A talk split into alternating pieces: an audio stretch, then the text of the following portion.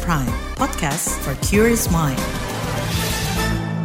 Halo saudara, selamat sore. Senang sekali kami bisa menyapa Anda kembali melalui program KBR Sore untuk edisi hari ini, Senin 12 Juni 2023. Saya akan menemani Anda selama kurang lebih 30 menit ke depan. Sore ini kita membahas mengenai fenomena pemanasan suhu muka laut atau El Nino yang berpotensi menyebabkan kekeringan ekstrim di Indonesia dalam waktu dekat. Seberapa parah dampak kekeringan ekstrim terhadap sektor pertanian dalam negeri? Lalu bagaimana langkah pemerintah pusat dan daerah untuk meminimalkan risiko di sektor pertanian? Selengkapnya kita bahas di KBR sore.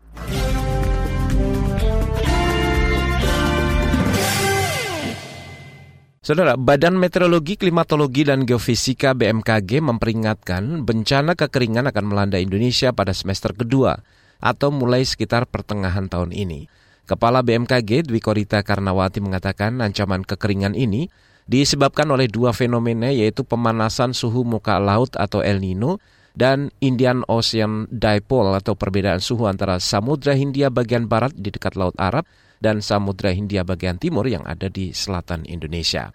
Dwi Korita menjelaskan musim kemarau panjang akibat dua fenomena ini diperkirakan berdampak terhadap kekeringan di area pertanian di Indonesia.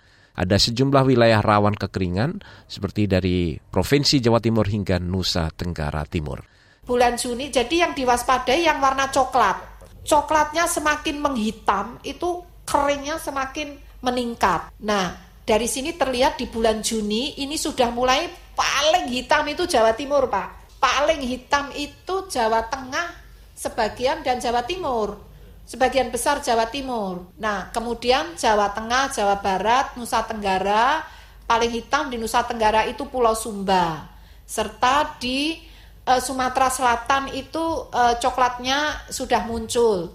Sebagian kecil Kalimantan Selatan dan Kalimantan Tengah sudah mulai orange ini mulai kering. Lalu Sulawesi Selatan, pantai barat sudah mulai kering. Ini bulan Juni. Papua Selatan ini, ini uh, Papua bagian selatan sudah mulai kering. Sejumlah daerah kini sudah masuk fase awal kekeringan. Kepala BMKG Dwi Korikta Karnawati memprediksi kekeringan bakal mencapai puncak di Agustus hingga September itu bulan Juli. Kita melihat warna orange, coklat, dan hitam semakin meluas. Ini artinya keringnya semakin meningkat. Gambarannya adalah kalau kondisi normal turun hujan, itu hujannya sekitar 20 mm untuk satu hari. Jadi yang harusnya satu hari itu untuk satu bulan. Jadi bulan Juli itu hitamnya Jawa Timur sekali lagi itu merata sampai gelap ini masih seluruh Jawa, seluruh Nusa Tenggara, Maluku Tenggara kena. Itu di bulan Juli. Kemudian juga Sumatera hampir merata, Kalimantan eh, barat, tengah, selatan, timur itu kena eh, kering, Sulawesi semakin meluas dan di bulan Agustus ini semakin parah, semakin meluas. Di bulan September semakin meluas. Jadi puncaknya Agustus September, puncak keringnya ini. Nah, kemudian Oktober masih kering tapi uh, sudah mulai berkurang. Itu tadi Kepala Badan Meteorologi, Klimatologi, dan Geofisika BMKG Dwi Korita Karnawati ketika memaparkan perkiraan kekeringan di DPR.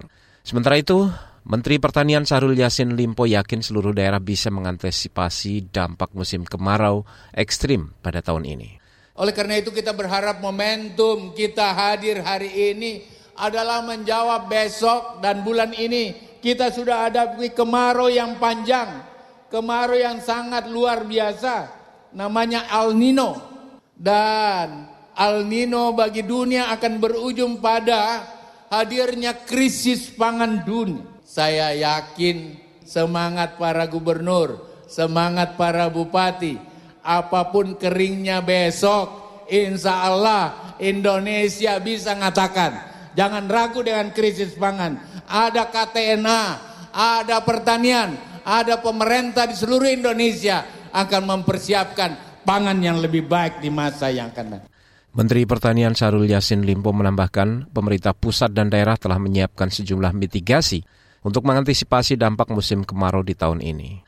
Di lapangan kita harus lihat apa yang harus dilakukan dengan El Nino itu. Minimal El Nino akan kekurangan air, oleh karena itu berbagai inisiatif untuk menjaga air, mempersiapkan air, membuat agar air tidak terbuang begitu saja, agar sistem-sistem baru pengairan akan kita lakukan. Bahkan tidak hanya itu, Bapak Presiden menggulirkan, Bapak Menko menggulirkan, namanya taksi Al Sintan untuk mempercepat itu semua. Al Nino juga akan menghadirkan varietas-varietas apa yang diminta oleh Bapak Presiden agar besok varietas kita adalah yang ditanam impago, tahan kekeringan. Tidak hanya itu, berbagai perusahaan-perusahaan swasta yang memproduksi varietas-varietas ini harus bisa dilakukan komunikasi antara seluruh KTNA yang ada. Itu tadi Menteri Pertanian Syahrul Yassin Limpo. Kementerian Pertanian mengklaim telah melakukan sejumlah antisipasi kekeringan lahan pertanian di Indonesia. Di antaranya percepatan tanam bagi lahan-lahan yang masih ada airnya, kemudian penggunaan varietas tanaman yang tahan kering, dan bantuan benih bagi petani yang lahannya terkena puso atau gagal panen, hingga normalisasi saluran penampungan air. Kementerian Pertanian juga mendorong budidaya tanaman sesuai iklim di daerah – penerapan penanganan dampak perubahan iklim, serta memantau dan mengevaluasi kekeringan dan terus memperhatikan perakiraan iklim dari BMKG. Saudara fenomena El Nino berdampak pada kekeringan yang berujung pada potensi ancaman kebakaran hutan dan lahan atau karhutla di daerah. Seperti apa langkah mitigasi risiko dari pusat dan daerah? Kami akan hadirkan laporan khas KBR sesaat lagi. Tetaplah di KBR sore. You're listening to KBR Pride, podcast for curious mind. Enjoy!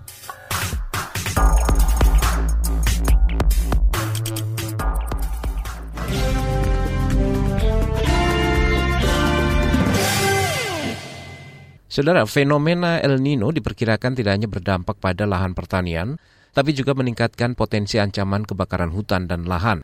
Lalu bagaimana upaya pemerintah mengantisipasi dan mengatasi karhutla? Berikut laporan khas KBR disusun jurnalis Safira Aurelia. Bencana kekeringan di Indonesia diperkirakan terjadi pada semester 2 tahun ini. Badan Meteorologi, Klimatologi, dan Geofisika BMKG sudah memperingatkan kondisi tersebut jauh-jauh hari. Kepala BMKG Dwi Korita Karnawati menjelaskan, kekeringan disebabkan oleh dua hal yang terjadi bersamaan, yakni fenomena iklim El Nino dan juga Indian Ocean Dipole atau IOD yang menguat mulai Juni 2023. Kata dia, kekeringan berpotensi terjadi di seluruh wilayah Pulau Jawa, terutama di Jawa Timur. Menurutnya, kekeringan yang kali ini terjadi memiliki tingkat keparahan hampir sama atau melebihi bencana kekeringan pada 2019. Dapat berdampak pada makin berkurangnya curah hujan di sebagian wilayah Indonesia selama periode musim kemarau ini. Bahkan sebagian wilayah Indonesia diprediksi akan mengalami curah hujan dengan kategori di bawah normal atau lebih kering dari kondisi normalnya.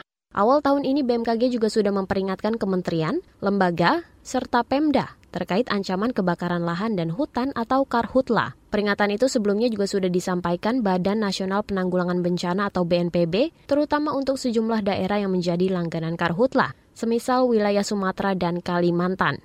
Meski begitu, menurut juru bicara BNPB Abdul Mohari, cuaca bukanlah faktor utama kebakaran. Penyebab lain adalah ulah manusia. Mulai dari Mei sampai nanti puncak musim kemarau ini ada di Agustus, kita benar-benar harus mewaspadai kebakaran hutan dan lahan. Kita berbicara gambut. Mau tidak mau, data kami di BNPB menyebutkan lebih dari 95% kebakaran hutan itu mungkin ada faktor manusia. Jadi bukan karena musim keringnya yang menyebabkan hutan, menyebabkan kebakaran hutan, tapi ada faktor manusianya yang yang, yang berperan di situ. Berbeda dengan kebakaran hutan yang terjadi di lahan non gambut. Abdul Muhari menekankan pentingnya mitigasi dalam menghadapi risiko karhutla. Upaya pencegahan dan antisipasi perlu dilakukan serius guna mengurangi potensi terjadinya kebakaran hutan dan lahan yang mengancam kehidupan dan lingkungan. Salah satu upaya memitigasi karhutla adalah dengan dikeluarkannya instruksi Mendagri atau Inmendagri tentang kesiapsiagaan pemerintah daerah dalam penyelenggaraan penanggulangan bencana karhutla. Inmendagri tersebut ditujukan kepada gubernur dan bupati atau wali kota seluruh Indonesia. Inmendagri ini menekankan pentingnya peran aktif pemerintah daerah, khususnya para kepala daerah sebagai pemimpin Satgas Karhutla. Selain kepala daerah, pemerintah juga meminta seluruh elemen masyarakat waspada terkait Karhutla. Menteri Koordinator Bidang Politik Hukum dan Keamanan atau Menko Polhukam Mahfud MD meminta sistem pemantauan dan pencegahan bencana karhutla bisa dilakukan dengan maksimal. Saya berharap kepada semua pimpinan daerah Forkompimda yang uh, mempunyai uh, hutan yang rawan dengan kebakaran supaya dari sekarang waspada karena ya dulu ada ada gurauan gitu bahwa kalau sudah menjelang tahun politik biasanya orang lalai banyak yang ya kerja politik dan macam-macam sehingga tidak tidak waspada Mahfud MD juga mengajak seluruh elemen mempertahankan kemampuan mengendalikan karhutla yang sudah berhasil selama beberapa tahun terakhir. Bahkan kata dia, gugatan dan protes dari dunia internasional soal karhutla tak lagi muncul atau sudah sepi. Namun berdasarkan analisis dari LSM Lingkungan Walhi, perlu ada pembenahan mendasar yang dilakukan oleh pemerintah dalam menghadapi karhutla. Sebab menurut manajer kampanye hutan dan kebun Walhi Uli Artasiagian, upaya pemerintah menangani karhutla belum berdampak signifikan dan juga tak menjamin bisa mengatasi masalah tersebut. Upaya yang dia maksud antara lain dengan menyetop pemberian izin lahan gambut kepada perusahaan. Walhi itu selalu um, menekankan, mendesakkan kepada pemerintah Indonesia untuk melakukan uh, evaluasi perizinan. Uh, tadi stop pemberian izin gitu ya, terkhususnya di lahan gambut, lalu kemudian penegakan hukum gitu Mbak. Jadi sudah banyak sekali kemudian uh, ditemukan perusahaan-perusahaan yang memang di konsesinya itu uh, ada titik api uh, kebakaran gitu ya. Berani nggak kemudian pemerintah itu melakukan penegakan hukum terhadap tersebut? Manajer kampanye hutan dan kebun Walhi Uli Artasiagian juga mendesak pemerintah tegas kepada perusahaan yang merusak lahan dan juga menyebabkan kebakaran hutan dan lahan. Selain itu, ia meminta pemerintah mendirikan rumah sakit khusus dan melengkapi fasilitas yang lengkap bagi masyarakat di wilayah yang kerap kali menjadi langganan kebakaran. Demikian laporan khas KBR yang disusun oleh Safira Aurelia. Saya Astri Septian. Saudara, ancaman kekeringan ekstrim yang diprediksi melanda Indonesia memantik perhatian para wakil rakyat di Senayan. Apa saja masukan dan dorongan dari DPR terhadap pemerintah pusat dan daerah? Kami akan hadirkan informasinya sesaat lagi tetaplah di KBR Sore. You're listening to KBR Pride, podcast for curious mind. Enjoy!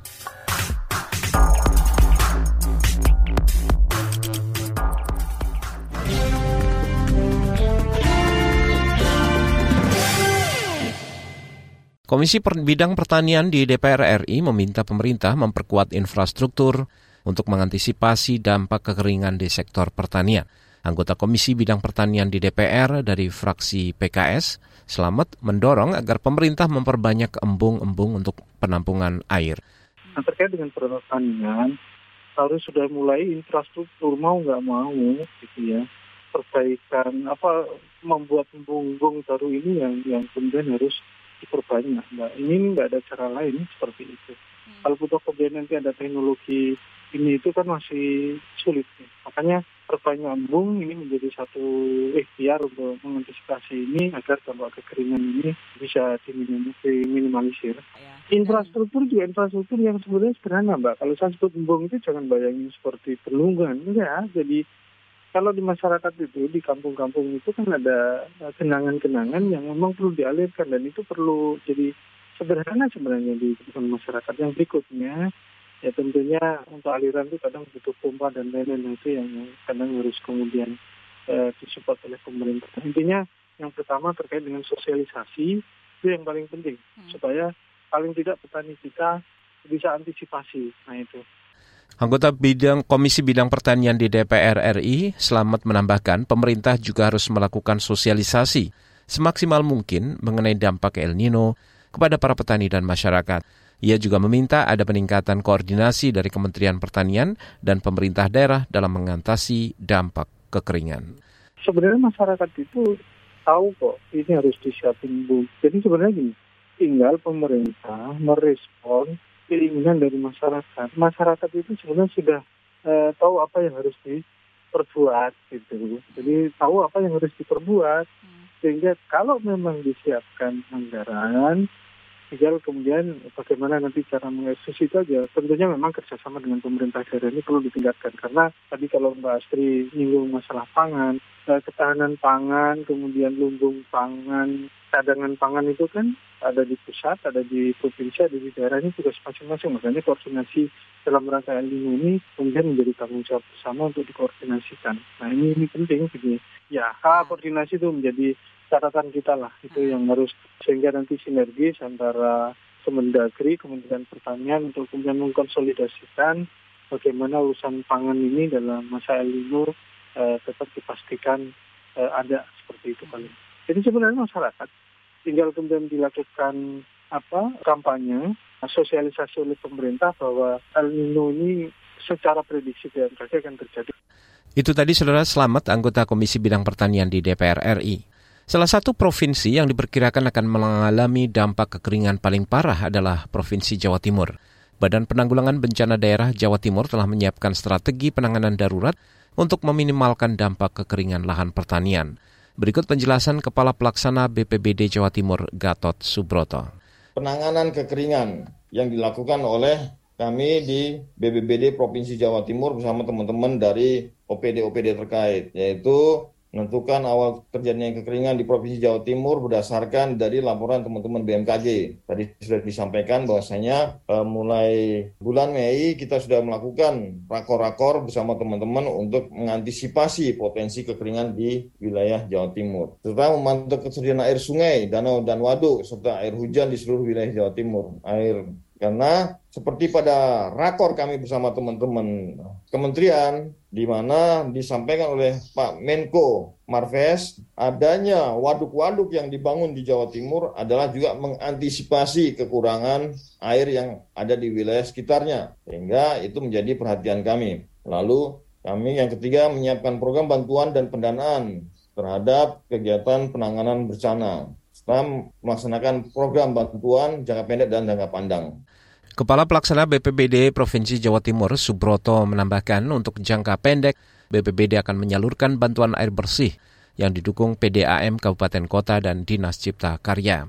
Ia memastikan distribusi, distribusi bantuan air bersih akan dilakukan menggunakan tandon-tandon dan penyaluran air dari truk tangki. Saudara, ancaman kekeringan dikhawatirkan akan berdampak terhadap proses produksi pertanian. Kalangan petani meminta pemerintah hadir memitigasi sejak awal. Apa yang dibutuhkan petani dalam menghadapi musim kemarau panjang? Seperti apa peran pemerintah? Nantikan informasinya sesaat lagi tetaplah di KBR Sore.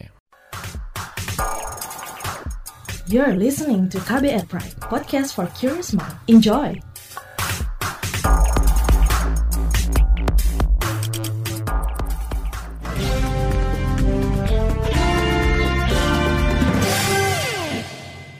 Saudara kalangan petani mendorong pemerintah pusat dan daerah untuk menyiapkan cadangan air untuk mengantisipasi kekeringan panjang yang akan melanda beberapa daerah di tanah air. Pengadaan air disiapkan untuk menjaga agar produksi pertanian dan peternakan tetap berjalan meski lahan dilanda kekeringan. Lalu apa saja persiapan dan kesiapan dan kebutuhan para petani? Berikut perbincangan jurnalis KBR Heru Haitami dengan Ketua Umum Serikat Petani Indonesia Henry Saragi terkait uh, ancaman kekeringan panjang ini diprediksi juga oleh BMKG dan juga BNPB ini kalau melihat pada situasi ini pada ancaman kekeringan ini uh, bagaimana sih Pak kesiapan para petani begitu menghadapi kemarau panjang ini dan kebutuhannya apa saja? Pertama kita soal ancaman kekeringan ini kan sudah disampaikan ya sejak bulan Maret lalu. Dan karenanya kita petani mendorong penam. Dan itu ditandai dengan Presiden hadir ya di acara tanam serentak yang kita laksanakan pada tanggal 6 April 2023 lalu. Dan Alhamdulillah hujan masih ada dan insya Allah padi kita akan panen di bulan Juli ini dan bagus ya. Jadi menurut kita tolong BMKG membuat prediksinya lebih akurat lagi gitu karena ternyata uh, kemaraunya ini tidak sepenuhnya kemarau kering sekali, ada juga diselingi dengan hujan. Bahkan curah hujannya kadang agak terlampau deras. Jadi saran saya coba BMKG melakukan satu penelitian yang lebih seksama. Kedua, ya tentunya begitupun kita tetap mengantisipasi supaya mungkin di akhir Juni sudah panen ya. Baru nanti akan mulai lagi tanam di bulan apa September. Uh, ya semoga di bulan September itu hujan harusnya uh, sudah datang lagi gitu. Artinya Pak ketika bertemu pada kondisi prediksi yang benar masuk di masa tanam uh, sebetulnya kebutuhan menghadapi uh, kemarau panjang itu apa sih Pak pertama ya uh, ini uh, mesin-mesin pompa air itu tolong ya misalnya diperhatikan lagi oleh Kementerian Pertanian dan PU karena tidak semuanya sawah-sawah kita sudah bersawah irigasi dan kalau yang bersawah irigasi kan kalau musim kemarau pun kan dia relatif masih bisa diairi. Yang masalah ini kan kalau sawah tak ada hujan. Jadi Kementerian Pertanian dan PU ya dimonitor berapa luasan sawah kita yang tidak terairi dan didukung untuk pengadaan pompa-pompa tersebut. Pak ini juga terkait dengan bibit atau tanaman produksi pertanian yang memang tahan gitu di saat momen kering begini. Nah ini kan juga dikabarkan eh, dari pemerintah akan disiapkan itu bagaimana Pak informasinya sampai ke serikat petani? Ya itu yang masih kurang ya sebenarnya kan di musim kemarau itu ya kita kan bisa menanam dengan sistem rice intensif itu ya SRI itu ya di mana kurang menggunakan air ya ya menurut kita ini yang memang masih terus uh, kurang ya uh, model-model pendidikan-pendidikan kepada petani. Ya pertama tadi satu ya soal pompa-pompa air ya dan pendataan dan pompa-pompa air. Nah dan yang kedua yang tidak uh, kalah Eh, pentingnya sebenarnya kan kalau kemarau itu bukan saja sawah kita yang perlu air ya, juga ternak kita. Ya, jadi dia diantisipasi lah dia. Itu tadi saudara perbincangan jurnalis KBR Heru Haitami dengan Ketua Umum Serikat Petani Indonesia Henry Saragi. Informasi tadi menutup jumpa kita di KBR sore edisi hari ini Senin 12 Juni 2023. Pantau selalu informasi terbaru melalui situs kbr.id, Twitter di akun @beritaKBR serta podcast di alamat kbrprime.id. Saya Agus Lukman bersama tim yang bertugas kami undur diri. Salam.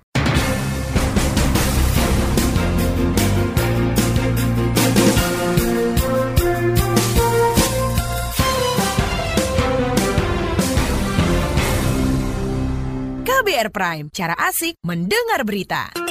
KBR Prime, podcast for curious mind.